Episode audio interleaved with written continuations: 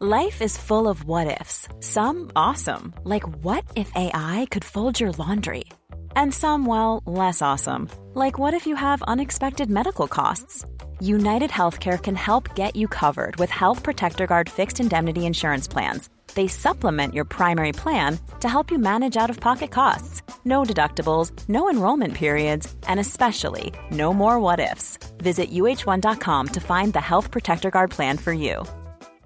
Ready to pop the question? The jewelers at BlueNile.com have got sparkle down to a science with beautiful lab grown diamonds worthy of your most brilliant moments. Their lab grown diamonds are independently graded and guaranteed identical to natural diamonds, and they're ready to ship to your door. Go to BlueNile.com and use promo code LISTEN to get $50 off your purchase of $500 or more. That's code LISTEN at BlueNile.com for $50 off. BlueNile.com code LISTEN. Many of us have those stubborn pounds that seem impossible to lose, no matter how good we eat or how hard we work out. My solution is PlushCare.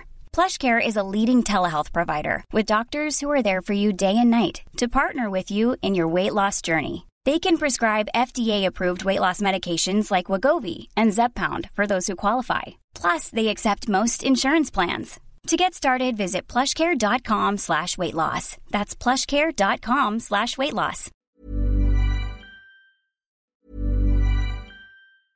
I'm Sandra, and I'm just the professional your small business was looking for. But you didn't hire me because you didn't use LinkedIn jobs. LinkedIn has professionals you can't find anywhere else, including those who aren't actively looking for a new job, but might be open to the perfect role, like me. In a given month, over 70% of LinkedIn users don't visit other leading job sites. So if you're not looking on LinkedIn, you'll miss out on great candidates like Sandra. Start hiring professionals like a professional. Post your free job on linkedin.com/people slash people today. Wow. Nice. Yeah. What you're hearing are the sounds of people everywhere putting on Bombas socks, underwear, and t-shirts made from absurdly soft materials that feel like plush clouds. Yeah, that plush. And the best part? For every item you purchase, Bombas donates another to someone facing homelessness. Bombas. Big comfort for everyone. Go to bombas.com slash ACAST and use code ACAST for 20% off your first purchase. That's bombas.com slash ACAST. Code ACAST. Hei, og velkommen til Bak scenen. Jeg heter Trond Harald Hansen, og i denne podkastserien skal jeg finne ut hva som skjer på baksiden av norsk showbiz-bransje. Enten det er produsenter, skuespillere eller artister. Og i dagens episode har jeg invitert en gitarkamerat som eh, er født i Tromsø, men eh, bor i Bodø. Han har fått eh, seks Spellemannspriser, to av dem sammen med gitarkameratene. Han har gitt oss låter som Sommerfugl i vinterland, 10 000 tommeltotta og ikke minst Kjærlighetsvisa. Du hører podkasten Bak scenen, podkasten som tar deg med på baksiden av norsk showbiz-bransje. Her er Halvdan Sivertsen. Bak scenen med Trond Harald Hansen. Jeg får åpne med å si velkommen hit. Da får jeg åpne med å si uh, tusen takk, og veldig hyggelig å få lov til å være her. Du har underholdt og spilt i mange år. Mange år. Faktisk helt tilbake til første plata kom vel i 73. Så eh, det begynner å bli en stund siden. Ja. Det gjør det. Det å spille, er det noe du har holdt på med helt siden du var liten? Ja, jeg fikk vel min første gitar i var vel 13-14 år. Og før det så uh, Første bandet mitt da var 11 år, da jeg laget, da spilte jeg tromme. Og før det igjen så ja, jeg vel, tror jeg foreldrene mine påsto i hvert fall at jeg sang før jeg kunne snakke. Så jeg har alltid vært interessert i musikk, ja. Det må jeg ha lov å si. Hva er det som har vært uh, inspirasjonen? Eller har du ikke hatt noe Ja, det er veldig, veldig mye, da. Uh, det var jo mus veldig mye musikk hjemme hos oss. Pappa kunne jo alle disse, eller sang alle disse, både Prøysen og Torbjørn Egner og, og uh, folkevisene og altså alt det her tradisjonsmusikken som ungene Som jeg nå etterpå sang for mine unger. Altså, jeg kan alle versene på Blåbærturen av Prøysen, jeg kan alle versene på Lillebrors vise, jeg kan uh, ja, altså alle versene på Dyrene i Afrika. Så jeg, jeg, jeg er oppflaska med det. Og det har jo vært en veldig artig gave å ha med seg. Så Prøysen det har liksom fulgt meg gjennom hele livet. Og da jeg ble ungdom, så skjønte jeg hørte jeg også for en fin dikter han var for voksne folk. da. Med sånn som Trastvisa, Hennes Tora og og Jørgen Hattemaker, og, ja, og selvfølgelig Du skal få en dag i morgen, og sånn der. Så, eh, men du kan si det som inspirerte meg til å begynne å underholde andre, det var vel kanskje mer det at jeg fikk lyst til å spille i band, da, og for det var morsomt å være en del av et gruppe. Da, og, og da var det selvfølgelig 60-tallet og det som skjedde med, fra England, spesielt med den britiske bølgen med Beatles og Stones og Searchers og Hollies og alle de sinnssykt bra bandene som plutselig bare dukka opp, og som bare var en sånn bølge av lyst og glede som bare Vi kjøpte New Musical Express og Melody Maker og hørte på Lux, og hørte bare det ene lystsjokket etter det andre. Og det var det jævlig gøy å spille i band og så lære seg å covre akkurat de der låtene, som, som var jo, viste seg ettertid å være udødelige perler. Det visste jo ikke vi da, vi hørte bare at det var litt av det. Nei, ikke sant? så sånn var det. Så det var vel egentlig en, mer, som en, mer enn å underholde for andre, så var det kanskje mer det at en egenaktivitet, at det var veldig veldig artig å spille, å lære seg å spille de låtene og, og få det til. Mm. Og så ble det jo til at han spilte på skolefester og spilte til dans og sånn der for ungdom, andre ungdommer, og spilte på klubb. Og, og så var det noen av oss som fikk spille inn plate One to Six. Jojo jo Graveyard Paradise i 67, og jeg var 17 år, jeg var grønn av misunnelse. og så eh, førsteplata mi kom jo ikke før i 73, da. Da var jeg jo blitt 23 år, en voksen mann, og hadde gitt opp drømmen om å bli popstjerne og sang på norsk, og syntes at livet var enkelt. Så Mm. bli lærer, og var veldig fornøyd med det. Nå ble det jo ikke helt sånn, da, men Nei, det, det blei jo ikke helt det. Nei, det er ikke helt sånn. Du fikk da utgitt din første plate i 73, Ja. som het eh, het- Halvdan ja. 23 og et halvt. Flink gutt. Absolutt. Ja, Det var jo innspilt i Mosjøen. Det var en utrolig fin fyr som heter Nils Johan Øybakken, som hadde laga seg, helt på eget initiativ, da, et studio med åttesporsmaskin og, og masse entusiasme. Han kalte det for øvrig for Experience Records, for han var jo desperat Jimmy Henriks-fan. Og der var jo Prudence med Åge og spilte inn noe- ja, ja, første platene sine. Og jeg fikk lov å gjøre første plata mi der. Jeg sendte jo inn en tape til han tror det var godt over et år i forveien, og hørte ikke noe mer. synes det var for også greit. Og plutselig så ringte han og sa at det, her var jo flotte greier, kom ned, skal vi lage plate. Og så gjorde vi det, og den solgte jo selvfølgelig ingenting. Og, men for meg var det jo en flott lærestykke, da. Flott å gjøre det. Og så laga jeg plate til to år etterpå, som da heter Utsikt minus innsikt i tilnærmet blindhet fra, fra toppen av pyramiden. og som var et veldig ambisiøst prosjekt. Da Da hadde jeg jo forhørt meg og hørt på MS and Palmer og Yes og, og Genesis og alle symfrockbandene og, og trodde jeg var pokker til kar, og arrangerte den musikken med, med blås og kor og synt og greier. Og, ganske, ja. Men i hvert fall så det gikk jeg på musikklinja på Nesna, tok jeg med meg folk i klassen min i, til studio i Mosjøen, og så spilte vi den inn der. Og, og det morsomme med den plata, som heller ikke solgte noe spesielt mye Kanskje vi solgte 1000. Det var ganske lite da. I dag er jo det faktisk ganske mye. Ja, det er jo faktisk, faktisk det. Eh, Men eh, det var jo det at NRK syns Side to på denne plata I den tida var det jo bare vinyl som gjaldt. ikke sant? Så side to på den plata, da der hadde jeg liksom i min, i min svulstige eh, ja, selvforherligelse laga et verk, da. Som gikk i ett. Alle låtene oh, ja. gikk i ett. Ja, ja, ja. Mm. Og det syns jo NRK var Det var en kompis av meg, Knut Eide, han som spilte Bodø i Snoppafilmene. En God venn av meg. Han eh, laga da en sånn tegnefilmkollasj av hele den der sida. Som en slags den første animerte musikkvideoen i Norge, kan du si. Og, og den fikk vi da visst på NRK i beste sendetid i Flimra, som det da het da. Og det var jo en veldig, veldig artig greie, da. Men det var jo begge de to første platene var jo på bokmål, før jeg liksom begynte å synge på dialekt og forsto at det gikk an. da. Men så kom jo for eksempel Vømmøl, og så hørte jeg litt på Prøysen, og så hørte jeg at dialekt er egentlig ganske fint.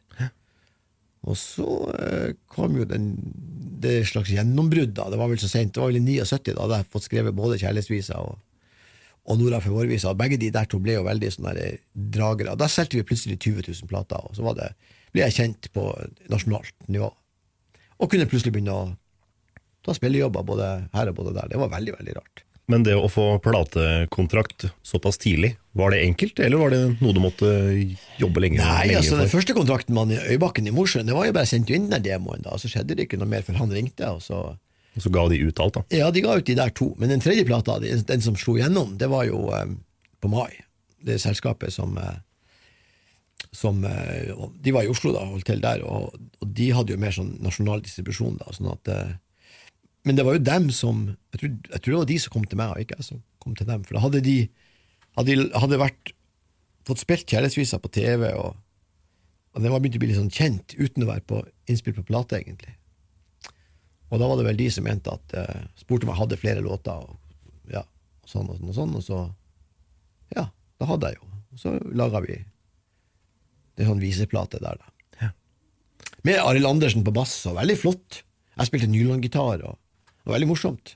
Veldig, vis, veldig sånn ordentlig visesang, da.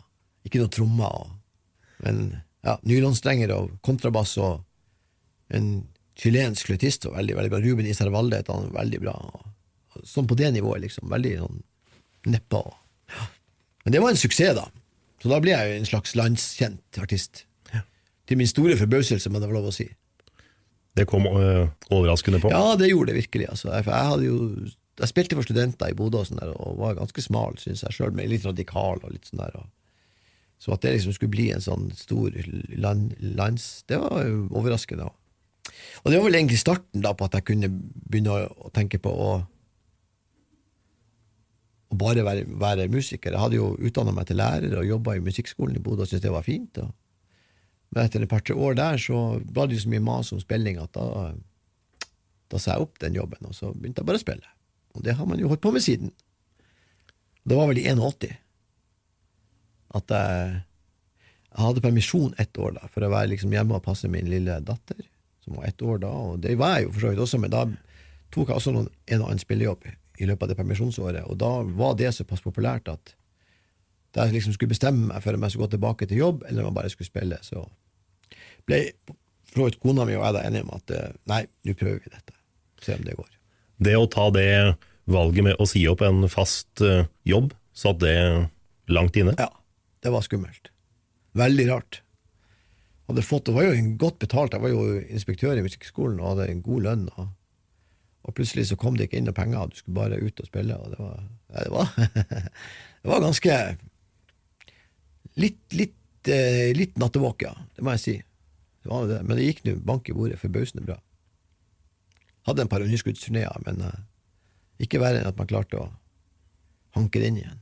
Hvordan så platebransjen ut akkurat da, på 70-tallet, når ja. Norafør ble Det var vel en helt annen verden.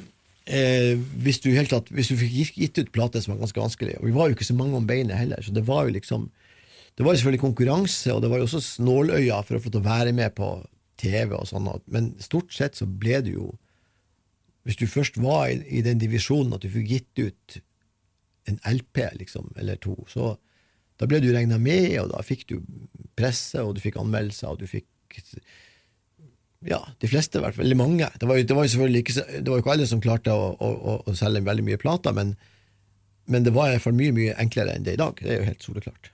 Mm. Fordi at vi var mye, mange færre om beinet, rett og slett. Du kan si I dag er det kanskje lettere å lage plater fordi at du kan gjøre det sjøl, men det her med å, å, å få i dag, det, det som er vanskelig i dag, det er jo å få noen til å tro på det du holder på med, og, og gå inn med pengene og hjelpe deg. og det som er fint med i dag, det er jo det at fordi at platemarkedet er så wishy-washy som det er, og fordi at det er så vanskelig å selge mye plater i dag, så er det nesten ingen som kan leve av å selge plater. Og det er jo litt fint i den forstand at alle nye band og artister de må ut og spille. vise Det er det det handler om. Ja, eller visesanger. Ja, vise seg, ja. ja rett og slett. Altså. Og, og, og det syns jeg er bra, for det er jo det musikk skal være. Det er jo jeg mener, Vi sitter vi her i et, plate, i et radiostudio og, spiller, og snakker og spiller plater, og det er veldig bra, men det er klart De store bokstavene og de store følelsene og de store Det som egentlig er kultur, det handler jo selvfølgelig om å, det, det du gjør live, og det, det, det møtet med publikum, og, og samspillet mellom artister og publikum, og samspillet med artister imellom, og musikere imellom.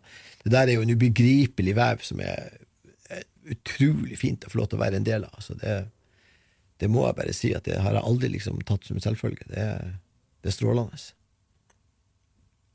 Takk for i dag.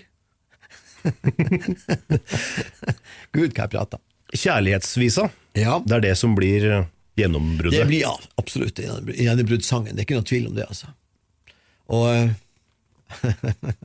jeg husker jo faktisk min min gode venn og dessverre avdøde kollega Sverre Kjelsberg, han, han eh, hadde jo hørt den, da, og han ga ut plate for meg før meg. Så han ringte jo til meg og spurte om ikke han kunne få lov til å synge inn kjærlighetsvise. Og jeg sa jo det at ja, men jeg kommer jo med plate sjøl om kanskje om et halvt år, så jeg må jo liksom nesten spare den til da.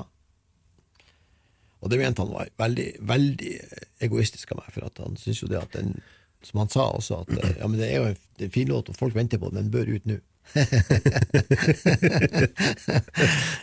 nice try, sa jeg. det var jo et fint kompliment, da. Ja, det var det jo. Veldig hyggelig kompliment. Men han fikk den jo ikke, da. Det må jeg innrømme. Så det har jeg jo for så vidt ikke angra på heller, selv om det kanskje var litt selfish av meg. så var det vel Jeg skjønte vel egentlig at den kanskje var litt viktig å ha på, som egen sang.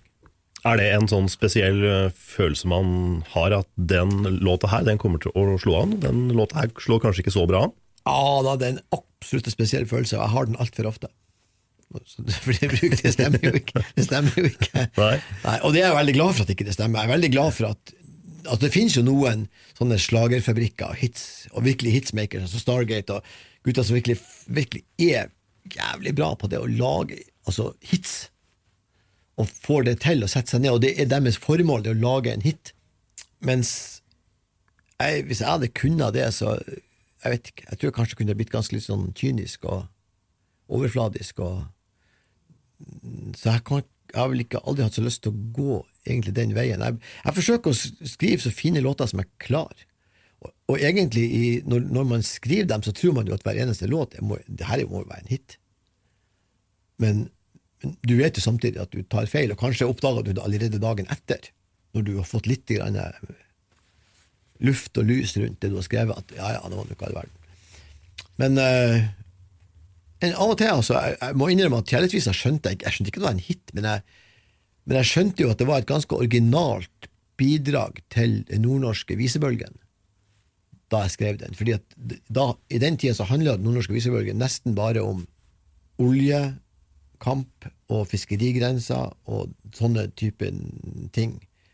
Så da det kom plutselig en kjærlighetsvise da, midt oppi det der, så var det ganske nesten ingen som hadde gjort det i, i den visebølgen, da. Og eh, så var det jo også ganske frekt å kalle den for kjærlighetsvisa. Det er jo ganske sånn der, eh, Det er en ganske ambisiøs tittel, Rett på sak. kjærlighetsvisene som fins. Så liksom, dette er kjærlighetsvisa. Enkelt og greit. Ja, ja. det var litt morsomt.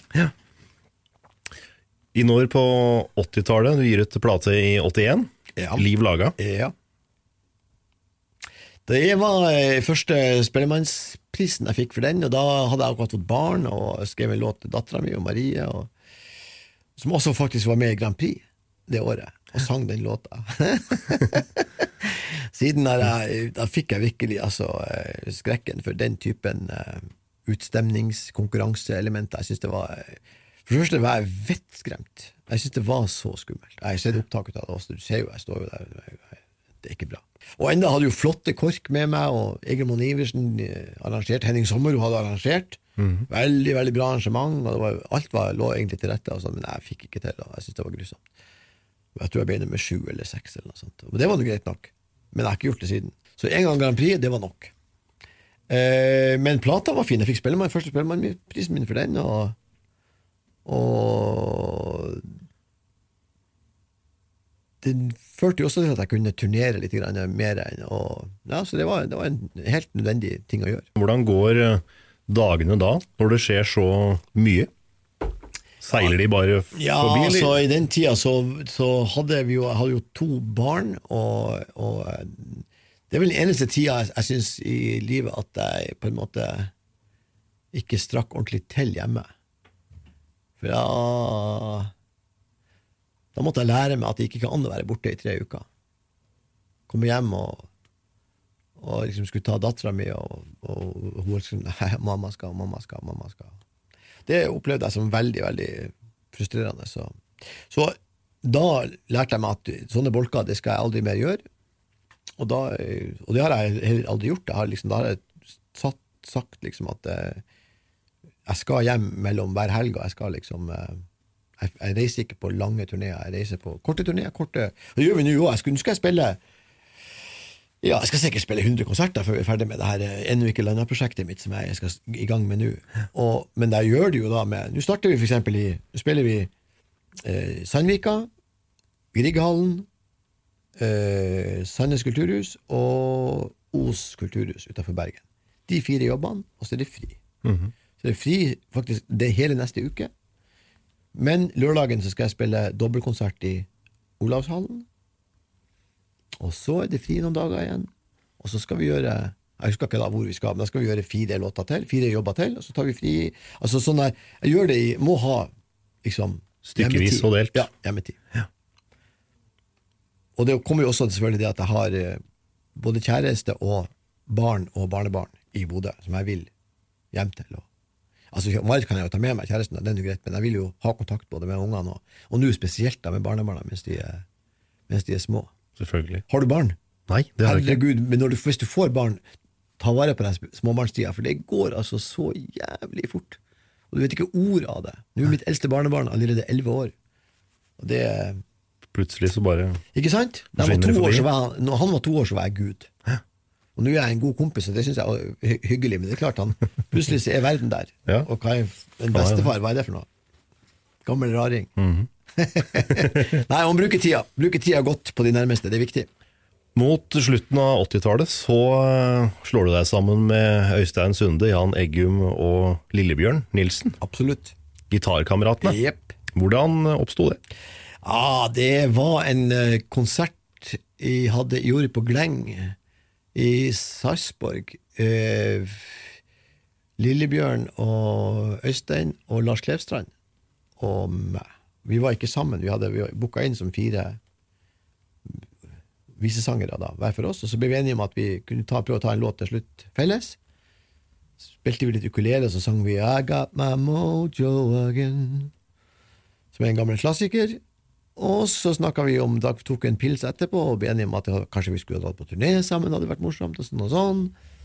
Og så rydda vi jo litt i bøkene, tok litt tid, det tok litt år, før vi liksom plutselig fant ut at nå hadde alle tid. Men visste det seg, ikke Lars. For da skulle han gjøre Oklahoma på Norske Teatret, eller på Oslo Nye var det kanskje, men uansett. Og det var noen ting som han, var ganske stor rolle, så han hadde veldig lyst til å gjøre den, da, og ikke istedenfor å reise på turné med oss. Men så hadde vi funnet ut at, at firkløver er egentlig bra, vi må være fire for, at, for å få flerstemtheten og for å få alle de her tingene som vi trenger. Så vi vil ha med oss en mann til. Og da var det jo for oss alle faktisk veldig enkelt å si at vi tar med Jan Eggum. Vi spør Jan Eggum. Og for meg var det spesielt viktig, for at jeg følte at jeg, eh, for å få litt sånn norgesspredning på det her. Med Lars og Lillebjørn og Øystein så ble det jo veldig sånn østlandsområde pluss meg. Mens med, Øst, med Jan på laget fra Bergen så ble det plutselig et slags landsprosjekt. Det blei jo det. Ja. Så eh, da Jan sa ja, så var vi egentlig veldig klar. Men da hadde vi ikke funnet på navnet ennå. Så den første turneen vår, da, da hadde vi jo Da kalte vi oss for Festkonsert med, og så navnene våre. Så det var vel ikke før andre turneen at vi, at vi kom på navnet Gitarkameratene. Og jeg innbiller meg i hvert fall at, at det var eh, Lillebjørns sitt forslag. Vi hadde jo sett på sånne gamle platecover og sånne med trekkspillkameratene og fotballag som heter Halsa-kameratene og sånne ting. da. Men Gitarkameratene, det, det, det, det, det hadde jo ingen som hadde brukt før. da, så. Og jeg tror det var Lillebjørn som kom på navnet da. Og det viste seg å være meget vellykket. Som, eh, ja, det ble jo et begrep fort. Så vi laga vel to plater, og vi laga, vi laga tre plater, faktisk. Og masse TV-show og, og en masse turné rundt omkring i Norge, flere bolker. Og så la vi ned, og siste gang vi møttes, så hadde jo, det var vel 16 år siden vi hadde vært sammen. Så, så det er litt av og på. Men nå er det vel mest av. Ja. Men det er ikke sant, altså, vi skal jo ikke lenger tilbake enn i fjor sommer. Spilte vi i, i, i, Sandefjord sammen, så eh, man skal aldri si aldri. Nei, det kan plutselig skje. Det. Press det, så spiller vi igjen.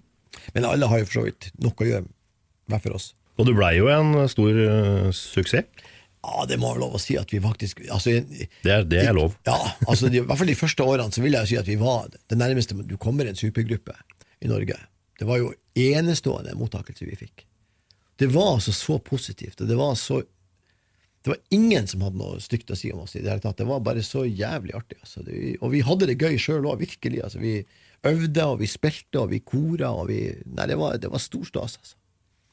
Jeg husker jeg, jeg, husker jeg fikk, eh, følelsen hadde, jeg fikk, jeg fikk et brev eh, i postkassen som var adressert til gitarkameratene. Og Da fikk jeg to tanker i hodet samtidig. Og Det ene var gitarkameratene. De er jo kjempegode. Og så tenkte jeg samtidig jeg er med i Gitarkameratene. det, det er bra. ja, veldig spesielt. Mm. Nei, Men det var moro. Helt klart. Virkelig. Hvilket år var det det her starta? Ah, det starta jo Hva skal jeg si? Jeg er ikke helt sikker på, men det måtte ha vært Jeg tror første plata kom i Enten var det 1988 eller så var det 1989. Hadde jeg forberedt meg nå, så hadde jeg visst det, vet du. Men man sitter jo her bare og ikke snakker ut fra løse luften og sitt eget lille hode. Mm. Nei, men seint 80-tall, i hvert fall. Ja. ja. Tror det. Skal vi se, nå må jeg bruke huet litt. I 2012 så var du Ja. med på Hver gang vi møtes på TV 2. Absolutt. Det er eh, etter min og mange andres mening et av de fineste programmene på TV. Ja, det ble veldig fint, altså. Eh, Og takk for det, for øvrig. Jeg synes at jeg var jo veldig skeptisk. Og, fordi dette var jo midt i reality-TV-tida, ikke sant. Og, og jeg, jeg, jeg så liksom ikke for meg at det, at det kunne være noe så harmløst og hyggelig som et program der sangskrivere møtes og spiller låtene sine for hverandre. Så jeg trodde at her skulle man skulle liksom leve tett og bo sammen. Jeg tenkte at nå skal det sikkert være noen slags intriger, og noen skal sikkert stemmes ut, eller skal et eller annet som man skal Ja. Jeg ante uro, men det viste seg at jeg hadde ikke noen grunn til det. Så jeg sa nei. Jeg sa faktisk nei. Jeg har det skriftlig. Jeg sa nei tre ganger til det der. Nei, det er ikke noe for meg. Ja, men kom nå igjen. Jo, nei, jeg vil ikke være med på det. Så til slutt så var det vel han Erling Johannessen på EMI som, eh, som ringte meg og sa at nå hadde han sjekka det svenske konseptet som var likedan, og han kunne forsikre meg om at det her, det her hadde jeg bare godt av. Det var hyggelig for en sangskriver å være med på. Det var ikke noe snakk om noe slags konkurranse. Det var bare det var snakk om å bjude litt på seg sjøl og høre litt på de andre. og sånn Og sånn og sånn. Og så så jeg at Jan- Eggum skulle være med. Jeg tenkte ja, jeg har i hvert fall med en kompis. Så sa jeg ja. Og det angrer jeg overhodet ikke på. For eksempel var det jo veldig morsomt å sette seg ned i forkant og jobbe litt med, med de andre sine ting. Det å jobbe med Bertine sine ting, og med Vinni sine ting. Og Vinni visste jeg ikke hvem var engang. Jeg trodde, nei. jeg trodde Vinni var ei dame. Jeg hadde hørt at Vinni skulle være med. Ja vel, Vinni. Ja. Han var jo med i Paperboy. Ja, ja. Jeg ante ikke peiling. Så um, Og der òg fikk du jo en kjempehit da, med akkurat låta hans. Absolutt. Re- Reise alene, ja. Og, og, eh, og så var det jo veldig artig å få gjøre Bertine sin, den her uh, Twisted Little Star. Også, som var, så det var veldig stor, eh, for meg, veldig inspirerende å, å sette i gang og jobbe med de tekstene og lage egne versjoner av de fine sangene deres. Og, og likedan få høre dem gjøre altså Når Vinni gjorde 'Sommerfugl', så det var jo helt fantastisk. Det var jo magisk. Så alt i alt for meg så var det en veldig fin ting å være med på. Det må jeg virkelig si. Og det tror jeg de syns, de, de som har vært med etterpå også. Her var jo, vi var jo første program. Og mitt, mitt program var jo det første programmet av alle. Ja. Så jeg syns det var kjempeskummelt. Jeg hadde jo lyst til at det skulle være litt, litt uti rekka. da. Men det var ingen grunn til. Nei da, det var veldig artig. Det var så, ja, jeg har ikke angra på det, det må jeg si. Var det enkelt å oversette de engelske låtene til eget uh, mål? Nei, men jeg hadde ganske god tid. Uh, for at vi skulle møtes Det her var jo på tidlig vår vi bestemte det her og sa ja til det. Og da fikk jeg jo sangene, og da var det jo enda et par måneder til vi skulle møtes. Så, og det var jo bare de engelskspråklige tingene. Det var jo tre sanger jeg måtte lage norsk tekst til. Ellers var det mer å finne en slags musikalsk uttrykk. Mens både den her uh, Lonesome Traveler og Og det artige var at jeg visste jo ikke om originalen heller. Den der Pete Seeger Det er jo bassisten i Pete Seeger-bandet som, som har skrevet den låta. For den er jo fra tidlig 50-tall. Og, uh, og den, original, den versjonen som jeg laga, den countryversjonen, den var jo mye mer lik originalen enn Vinnie sin, eller Paperboy sin versjon var. Det, men det visste jo ikke jeg, for jeg hadde ikke hørt originalen. Så det var litt artig. Det er stilig, Jeg hørte den etterpå liksom, Ja, ok, det var sånn den var, ja. ja men det. og Vinnie hadde jo, siden det var jo en, en rap, så hadde jo en lang tekst. Og en lang var jo to av fire sider. Ikke sant? Masse tekst på den. Så det jeg måtte prøve å gjøre, det var jo å, å ta en slags, finne en slags essens. Hva er det dette egentlig handler om? Og få det ned på et sånt country-viseformat på to og et halvt minutt, tre minutter. Mhm. Mm, Og samtidig bevare på en måte den der eh, lengselen og uroen og frustrasjonen som ligger i den originalteksten. Nei, det, var, det var en veldig artig jobb, egentlig. Og så var det jo veldig spennende å, å spille disse, å stå der og spille de låtene for folk. Da. Se hvordan de reagerte. Mhm. Og så var det jo et supert band som vi ikke fikk lov til å snakke om i det hele tatt, for det var jo interessant for lytterne, og seerne. Men det var jo de Stråmenn-guttene. De, de, de låter jo helt kule. Supert, supert band, vet du. Så det var jo veldig, veldig artig, det òg. Så vi har jo masse øving med dem før, vi, før vi starta innspillinga. Men der er alt innspilt eh, live, det er ingenting som er eh, Ingenting playback. er lagt på, eller playback, eller studioarbeid etterpå. Ingenting. Så alt er sånn som det skjedde. Den ene det var vel, Jeg tror kanskje det var én eller to låter som, hvor han, en en eller annen fikk lov til å gjøre det en gang til. For at han hadde glemt noe eller et eller annet som gikk galt. Men stort sett så var det først ett take, én gang, ferdig. Der og da. Akkurat sånn var det. Alle mine opptak var sånn, i hvert fall. Og ingenting ble, det var ikke lagt på noe autotune, det var ikke lagt på Altså, det er akkurat sånn som det ble spilt.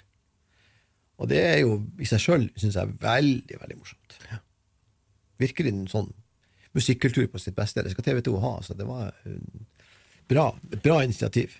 Og da har du jo også en, eh, da har du jo også en veldig ålreit stab eh, med deg, da, for det låter jo helt uh, Det låter kjempefint. Suverent. Ja, det syns jeg òg. Det låter virkelig ja, helt eh, rett frem og ordentlig og live. Det låter live. Det låter tøft.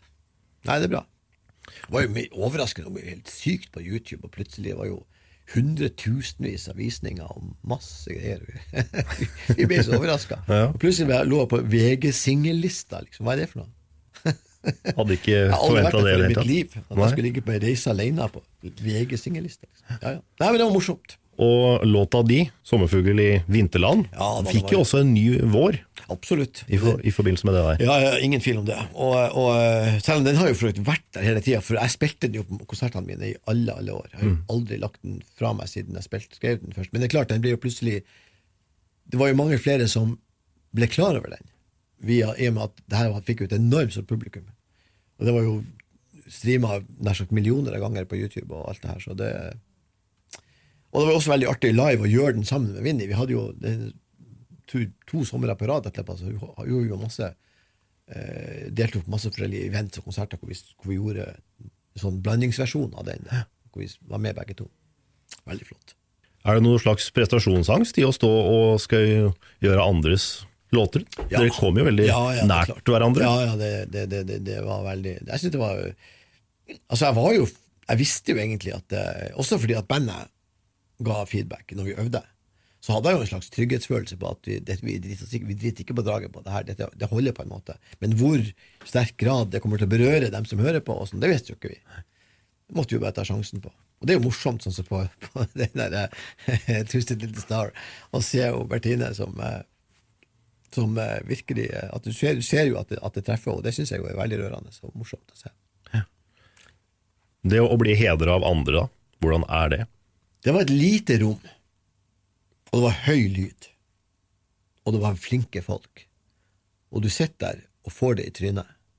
Det gjør veldig inntrykk. Du kan si, når du ser det på TV, så ser du kanskje litt sånn der Herregud, hva det er Liksom. Men, men der og da så er det Det er, det er sterkt å oppleve det, for det er så du er godt levert, og så det er en versjon du aldri har hørt før. Du, du, du blir veldig overraska. Og, og, og så er det bra. Alle, alt er jo bra. Det er jo, så det Nei, det var eh, veldig morsomt, rett og slett. Og sterkt. Så de reaksjonene du ser, de er, de er, de er ekte. Og er det en tåre der, så er det en tåre der. Selv om han Jan sa at han bare har øyekatarr. Det er ikke sant? Opp igjennom så har du også fått en, eh, en god del priser og utmerkelser. Ja. Både, både Spellemannspris og Hvis man skal ta med det meste, så har jeg altså fått um, seks jeg. Og derav to med Gitarkameratene. Sju hvis vi tar med den der som alle fikk som var med på Sammen for livet. Men det var jo kanskje ikke noe spellemann, det var mer sånn der heders. Så vi kan holde oss til seks, da. Og det har jo vært like på en måte hyggelig og overraskende hver gang. Jeg har vel vært nominert et par ganger og ikke fått. Men Det, det gjør også veldig inntrykk. Det er rart, du blir ikke vant til det heller. Altså.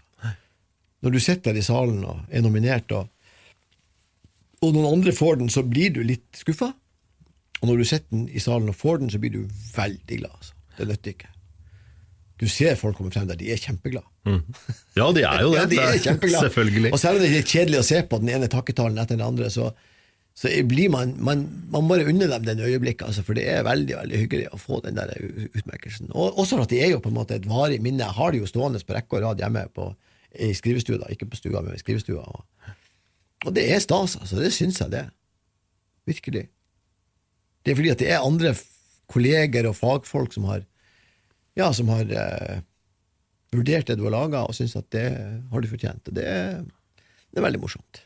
Helt tatt at det, her, det, her, det at noen setter pris på deg sånn formelt, i form av en eller annen form for utmerkelse, det er jo det er, Jeg syns det er veldig veldig ålreit. Altså. Det er jo alltid veldig Og jeg syns det var snålt av Dylan at ikke han kunne stille i, i Stockholm og ta imot den nobelprisen. Altså. Det er faktisk litt ufint. Synes det var kjipt. Ja, jeg syns det var kjipt. Mhm. Det syns jeg det var. Jeg, så travelt har man det ikke. Det er en slags sånn litt sånn barnslig eh, Jeg er liksom rebel. eh, Mm. Ja, jeg syns det var tåpelig. Det må jeg si. Innledningsvis så pratet du på Alf Prøysen. I 2005 så fikk du jo Alf Prøysens pris. Ja, da, det var veldig hyggelig for Prøysenprisen, det må jeg virkelig si. Altså. Og han er jo vår største visedikter, kanskje ved siden av Petter Dass. Men, men det som er så morsomt med Prøysen, er også det at han hadde jo selvfølgelig enorm hjelp av norsk komponistadel. Altså Bjarne Amdal og Finn Luth og Johan Øyan. Og ja, og kanskje han eh, godeste ja, I hvert fall de tre. Altså, det er jo Spesielt Bjørn Amdal. Altså, det er jo perle på perle på perle av melodier. Så du snakker om at eh, gull møter gull, altså. Mhm. Det er jo en synd på oss og stakkarene som må skrive alt sjøl. det har det Ikke jo mye verre. Nei, og så er det en annen, det er jo Vidar jeg også er litt sånn glemt, og, men en utrolig fin eh, visedikter. Og han skriver jo melodiene sine sjøl. Sånn som 'Menuett i mai', det er jo det ufattelig fin lita vise om eh, vår og lengsel og oppfylte, uoppfylte drømmer og gryende erotikk, og alt er tatt sånn der forsiktig ut. Det er mesterlig gjort, altså. Det er, ja, du verden. Det må jeg si som jeg om Sian Lars Bremnes, å kunne skrive. ja, nei, det er veldig bra. Så eh, Du gjorde jo en, også en opptreden i barne-TV, eller flere opptredener i barne-TV. Labbetuss. Ja da. Det var passa så fint, for dattera mi var jo to-tre år da. Så eh, jeg hadde brukt henne som en slags mal da. Og, og eh, jeg visste vel ikke at det skulle bli så morsomt. Jeg var litt i tvil om jeg skulle gjøre det. da. Men så hørte jeg at han Geir Børresen skulle være bikkja. Og han syntes jo jeg var en jævlig artig fyr. tenkte jeg ok, vi gjør det. Vi prøver det. Har jeg fortalt deg om han Geir Børresen? Vi hadde prøver, hadde vi tørrprøver på NRK i sånt lite studio. Og, eh, han, han eh, Vi øvde liksom på neste innspilling, da, og han eh, hadde sånne, sånne barnekrykker på forlabbene, for, på hendene, for å kunne gå på alle fire. Og sånn der. Og så skulle jeg lese eventyr for da, så han skulle sitte på fanget mitt. Så Geir Børresen satt på fanget mitt, og idet Geir Børresen sitter på fanget mitt, var bare vi to der inne da, så kommer kringkastingssjefen inn med et sånt følge av fol- folk som han, som han visste rundt. ah, Gud, og de ble så flaue, fordi jeg vet ikke hva de trodde. Om de kanskje trodde det var en erotisk situasjon. Vet du. Vi fikk i hvert fall ikke tid til å forklare oss før de var ute igjen.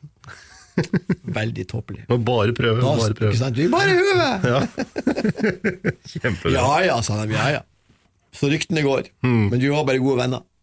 Det er bra. det er bra. NRK, var, eller NRK Nordland var vel også de første som lagde en musikkvideo til 10 000 uh, tommeltotter? Ja, ja. da. Og det var jo også veldig morsomt, for den ble jo laga til Norge Rundt. Det ble laga som et Norge Rundt-innslag. Oh, ja. Ja, rett og slett. Fordi at han journalisten han syntes det var en så jævlig artig låt, og, bla, bla, bla. og så var, jeg, var vi ganske kreative sammen. da, og, og det ble jo også en sånn virkelig en sånn hit. Ikke bare låta, men den videoen òg. Den gikk jo virkelig sin seiersgang. Og det var jo ganske morsom.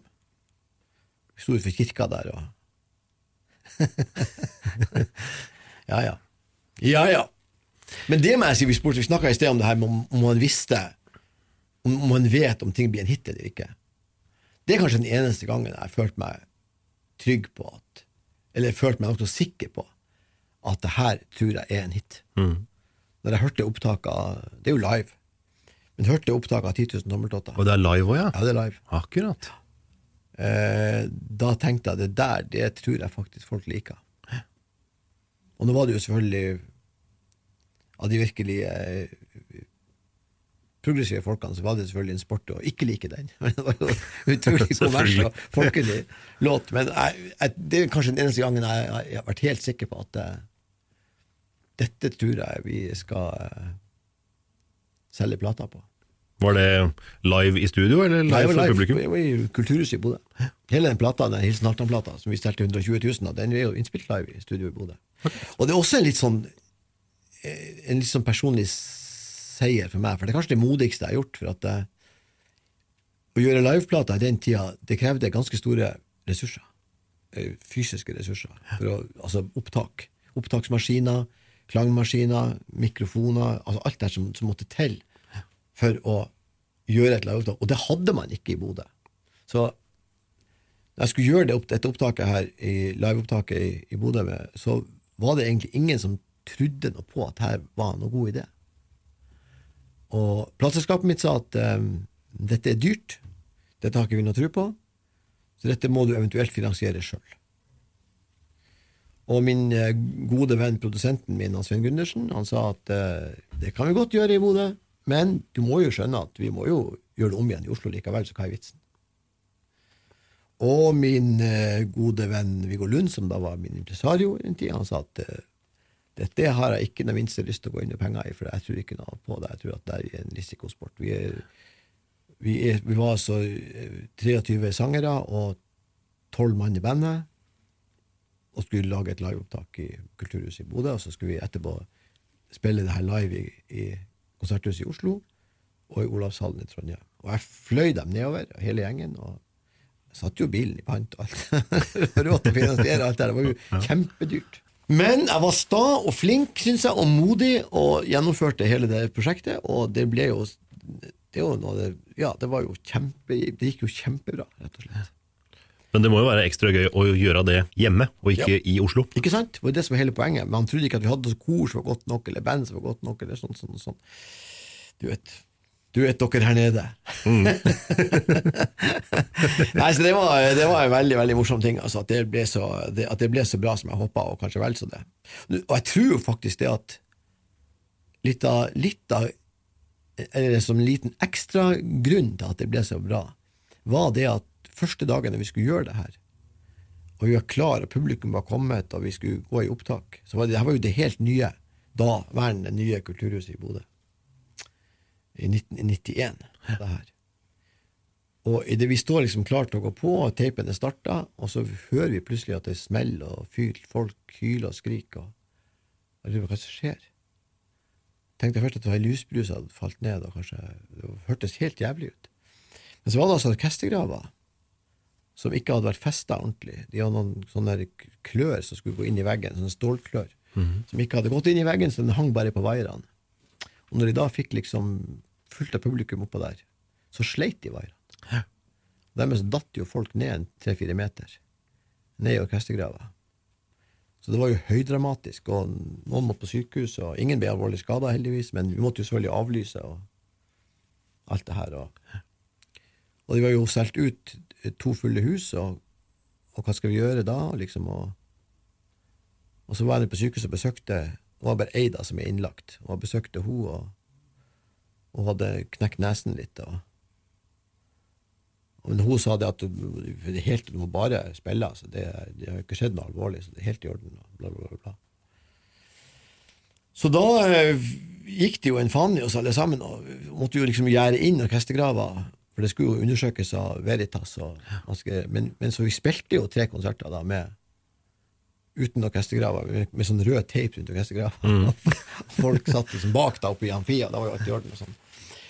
Så vi ble med en slags sånn fandenivoldsk innstilling, og det kan nok hende at litt av den nerven som det skapte, det der ekstra, det der, at det også ble en slags sånn vilje til å lykkes, både hos oss og hos publikum. For at det Nå vet jo jeg at det var sånn, så, men jeg, jeg syns nesten du kan høre det både på, ja, på stemninga på det, hele den plata, at det, at det er noe litt sånn Det er noe litt utenom det, det vanlige som skjedde der, og det var veldig rart. Etterpå så hadde vi jo, da plata kom ut, så samla jeg, fikk jeg tak i alle de som hadde falt. Og det var jo 40-50 mennesker. Og ei, høy, ei høygravid som ikke datt. Hun satt på siste, første stolen. Mannen hennes datt. Og hun satt på kanten og så ned. var veldig bra hun datt. Da Da var det meninga. Ja, nei, det var jo ikke det, men det var flaks. Jeg tror ikke på sånt.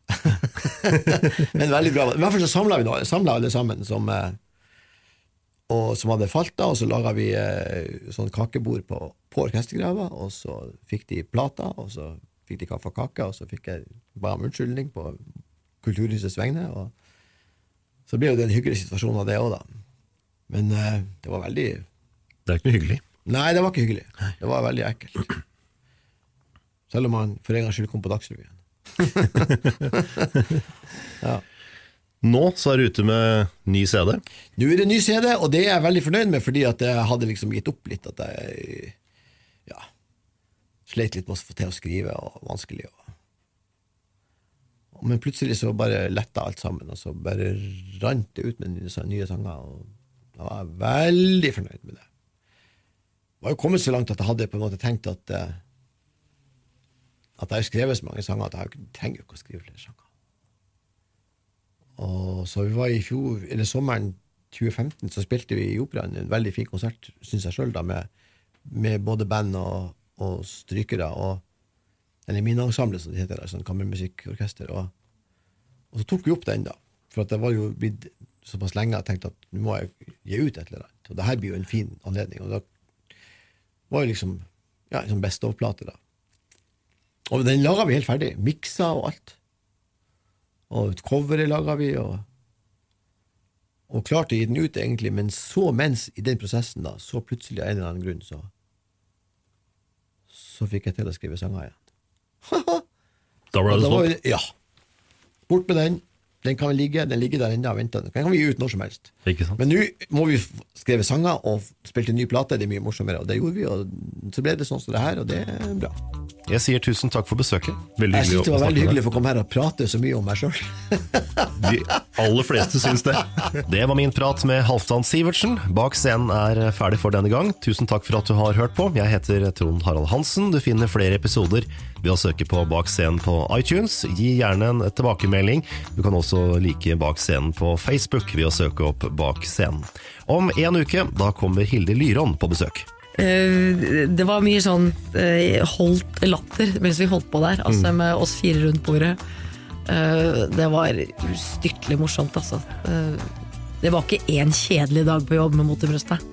Det var altså, helt unikt. Dette, altså, hvor heldig man er som får være med på en sånn, en sånn ting. Ikke, altså, for det første hva det gjorde for karrieren. da Et springbrett fra å, å, å være danser til plutselig å bli rikskjendis, liksom.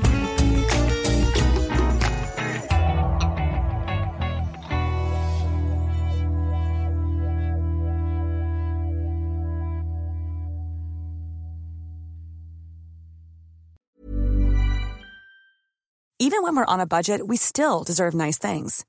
Quince is a place to scoop up stunning high-end goods for 50 to 80% less than similar brands.